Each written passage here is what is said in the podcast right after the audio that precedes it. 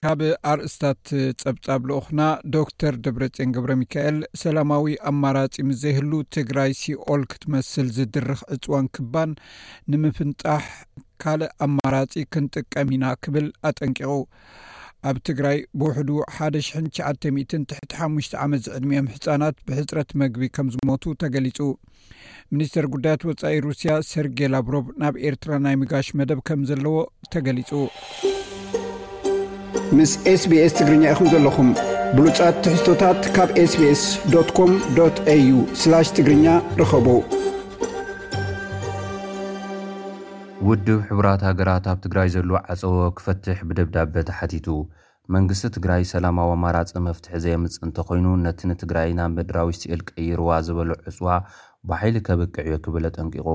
ፕረዚደንት ትግራይ ዶክተር ደብረፅዮን ገብረሚካኤል ናብ ዋና ፀሓፊ ውድብ ሕቡራት መንግስታት ኣንቶንዮ ጉተሬዝ ኣብ ፀሓፎ ደብዳበ መሪሕነቶም ህዝቢ ትግራይ ብጥምየትን ክሕከም ብዝኽእል ሕማምን ክረግፍ እንዳረኣየ ክቕመጥ ከምዘይኽእል ሓቢሮም። ካብ ፈለምኡ ማሕበረሰብ ዓለም ሓይልታትና ካብ ዓፋርን ኣምሓራን ብምስሓብ ጥራሕ ሰላም ክመፅእ ከምዝኽእል ዝመስል ግጉይ ርድኢት ነይርዎ ዝበሉ ዶክተር ደብረፅዮን ማእኸላይ መንግስቲ ብዝኽተሎ ዘሎ ዝበልዎ ዝንቡዕ ኣካይዳ ግን ኩነታት ኣይተለወጠን ብምባል ሕጂ እውን ሰራዊትና ናብ ኣዲስ ኣበባ ዝገብሮ ገስጋስ ምስ ሙሉእ ሓይሉ ኣሎ ክብሉ ኣጠንቂቖም። ኣብ ትግራይ ዘሎ ዓፀቦ ብፍሉይ፣ ኣብታ ሃገር ዘሎ ፀገማት ከዓ ብሓፈሻ ህፁፅ መፍትሒ እንተዘይተገይርሉ እቲ ዘሎ ኩነታት ተቐባልነት የብሉን ዝበለ ደብዳቤ ዶክተር ደብረፅዮን ገብረሚካኤል እታ ሃገር ነቲ ድሮን ጠልጢላትሉ ዘላ ናይ ምብታን ሓደጋ እቲ ዝቕጽል ናብ ዝኸፍኣ ከም ዘብጽሓ ሓቢሩ ኣሎ። ካብ ኣርባዕተ ታሕሳስ ኣትሒዙ ስሳን ሸውዓተን መካይን ረድኤት ናብ ትግራይ ከም ዝኣተዋ ዘዘኻኽር እቲ ደብዳቤ፣ እዚ ሽዱሽተ ሚእታዊት ናይቲ ዝድለ ኮይኑ፣ ኣካል ናይቲ ህዝቢ ትግራይ ብጥምየት ንክሃልቕ ዝግበር ዘሎ ጻዕሪ እዩ ክብል ከሲሱ።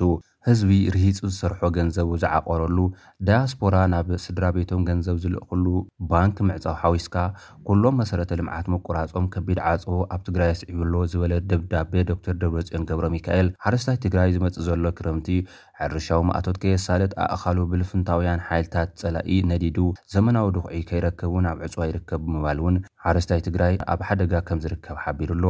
ኣብ ክንዲ'ቲ ንሰብኣዊ ረድኤት ክበሃል ዝተፈጸመ ስምምዕ ተኹሲ ኣብ ተግባር ክውዕል ጸቕጢ ምግባር ሰብኣዊ ረድኤትን ፖለቲካን ዝሓዋውሱ ሰራዊትኩም ስሓቡ ዝብሉ ግጉይ ሓሳባት ዘቕርቡ ኣካላት ማሕበረሰብ ዓለም ኣለዉ ኢሉ ዝኸስስ እቲ ደብዳቤ፣ እቲ ሓሳብ ሰራዊት ኤርትራ ኣብ ዞባታት ምብራቕ፣ ማእኸላይ፣ ሰሜናዊ ምዕራብን ምስ ሓይልታት ኣምሓራ ኮይኑ ከኣ ብ ዞባ ምዕራብ ክጸንሕ ዘተባብዕ ዘይቅኑዕ ተግባር እዩ ክብል ተቓዊምዎ። ጉዳይ ኢትዮጵያን ኢትዮጵያውያን ስለዝምልከት እቲ ኲናት እውን ብመሰረት መትከል ውድብ ሕቡራት ሃገራትን ሕብረት ኣፍሪካን ክፍታሕ ስለ ዘለዎ ሰራዊት ኤርትራ ካብ ኩሉ ግዝኣት ኢትዮጵያ ክወፅእ እውን ሓቲቱ። ብተወሳኺ ብመሰረት ስምምዕ ምቁራፅ ተኹሲ ንሰብኣዊ ረድኤት እቲ ዝተኣተወ ስምምዕ ተግባራዊ ክኸውን መንግስቲ ፌደራል ኮነ ካልኦት ዝምልከቶም ኣካላት ረድኤት ናብ ትግራይ ክኣቱ ክሰርሑ ብምሕታት እዚ ተፈፃምነት እንተዘይብሉ ግን ናብ ሓይላዊ ስጉምቲ ከምዘምርሕ እቲ ደብዳቤ ገሊፁ ኣሎ።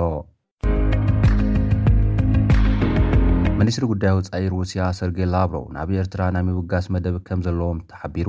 ብመሰረት ሓበሬታ ሚኒስትሪ ጉዳይ ወፃኢ ፌዴሬሽን ሩሲያ፣ ሚኒስትሪ ጉዳያት ወፃኢ እታ ሃገር ሰርጌይ ላቭሮቭ ዕስራን ሸውዓተን ሚያዝያ ክልተ ሽሕን ዕስራን ክልተን ምስ ሚኒስትሪ ወፃኢ ጉዳያት ሃገረ ኤርትራ ኣቶ ዑስማን ሳልሕ ተራኺቦም ንክልተኣዊ ጉዳያት ክዝትዩ ምዃኖምን ህልዊ ዞባውን ዓለማውን ኣጀንዳታት ኣድሂቦም ድማ ክዘራረቡ መደብ ከምተታሕዘ ተገሊጹ ኣሎ።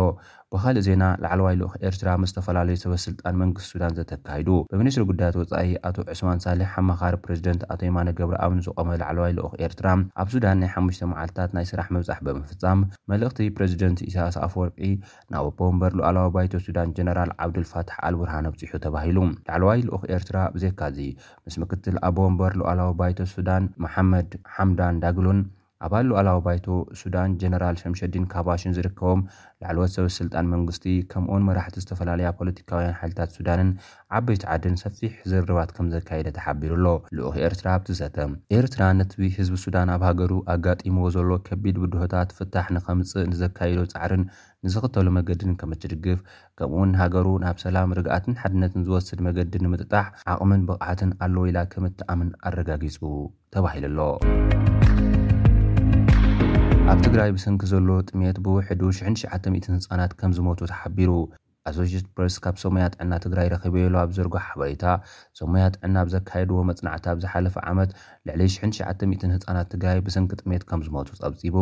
ኣብቲ መፅናዕቲ ዝተሳተፉ ሰብሞያ ሓካይም ከምዝብልዎ፣ ቁፅሪ ሞት ህፃናት ካብ ዝተገልፀ ንላዕሊ ክኸውን ከምዝኽእል እዩ ኣሶሼትድ ፕረስ ኣረዲኡ ዘሎ። እቶም ብሰንኪ ጥሜትን ሰኣን ሕክምናዊ ግልጋሎትን ዝሞቱ ህጻናት ትሕቲ ሓሙሽተ ዓመት ዝዕድሚኦም ህጻናት ምዃኖም ኣረዲኡ'ሎ። ብመሰረት ጸብጻብ ውድብ ሕቡራት ሃገራት፣ ልዕሊ ሚእትን ዓሰርተ ሓሙሽተን ሽሕ ህጻናት ትግራይ ብሰንኪ ጥሜት ኣብ ኣፍደገ ሞት'ዮም ዝርከቡ። ልዕሊ ቴስዓን ሓደን ሚእታዊት ካብ ጠቕላላ በዝሒ ህዝቢ ትግራይ ድማ ህጹጽ ሰብኣዊ ረድኤት የድልዮ ከምዝኾነ እዩ እቲ ጸብጻብ ዝሕብር። ኣብ ዶባት ኦሮሚያን ክልል ኣምሓራን ዞባ ሰሜን ሸዋን ብዝተፈጥረ ግጭት ህይወት ሰባት ከምዝቐዘፈ ከባብያዊ ኣማሓደርቲ ክልቲኤን ክልላት ተዛሪቦም።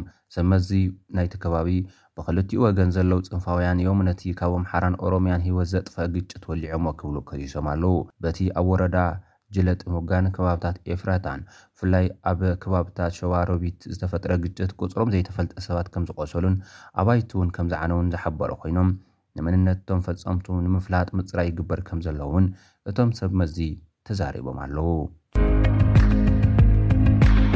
ሰራዊት ኢትዮጵያ ኣብ ዶባት ዝገብሮ ምትኹታኽ ጠጠው ከብል ሱዳን ሓቲታ። መሬት ኣልፋሽጋ እውን ሉኣላዊ ዋንነታ ከምዝኾነ ደጊማ ኣረጋጊፃ ኣላ። ግዝያዊ ሚኒስትር ወፃኢ ጉዳይ እታ ሃገር ዓሊ ኣልሳድቕ፣ ኣብዚ ቅንያት ናብታ ሃገር ምብጻሕ ምስ ዘካየደት ፍልይቲ ልእኽቲ ሕቡራት ሃገራት ኣብ ዞባ ቀርኒ ኣፍሪካ ምስ ተራኸበ ምስ ኢትዮጵያ ኣትዩ ዘሎ ምስሕሓብ መሬት ብዘተ ጥራይ ክፍታሕ ከም ዝኽእል ብምሕባር ሃገሩ ኣብ ልዕሊ እቲ ዋንነታ ዝኾነ መሬት ዝሕሰብ ወተሃደራዊ ስጉምቲ ንምብዳህ ድልውቲ ምህላዋ ተዛሪቡ። ሰራዊት ኢትዮጵያ ነቲ ዘሰሓሕብ መሬት ንምምላስ ምትኹታኽ ከም ዘይገደፈ ዝኸስስ መንግስቲ ሱዳን ሰራዊት ሃገሩ ብቐጻሊ የፍሽሎ ከም ዘሎ እዩ ገሊጹ።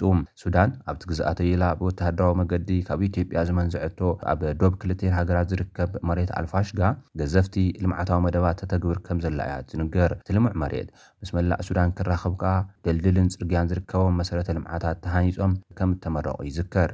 ክልቲኤን ሃገራት ውጥጣተን ብሰላም ክፈትሓ ክሕተታ ዝጸንሓ ኮይነን ኢትዮጵያ ሰራዊት ሱዳን ካብቲ ቦታ ክወጽእ ቅድመ ኩነት ከተቕምጥ እንከላ ሱዳን ብግደኣ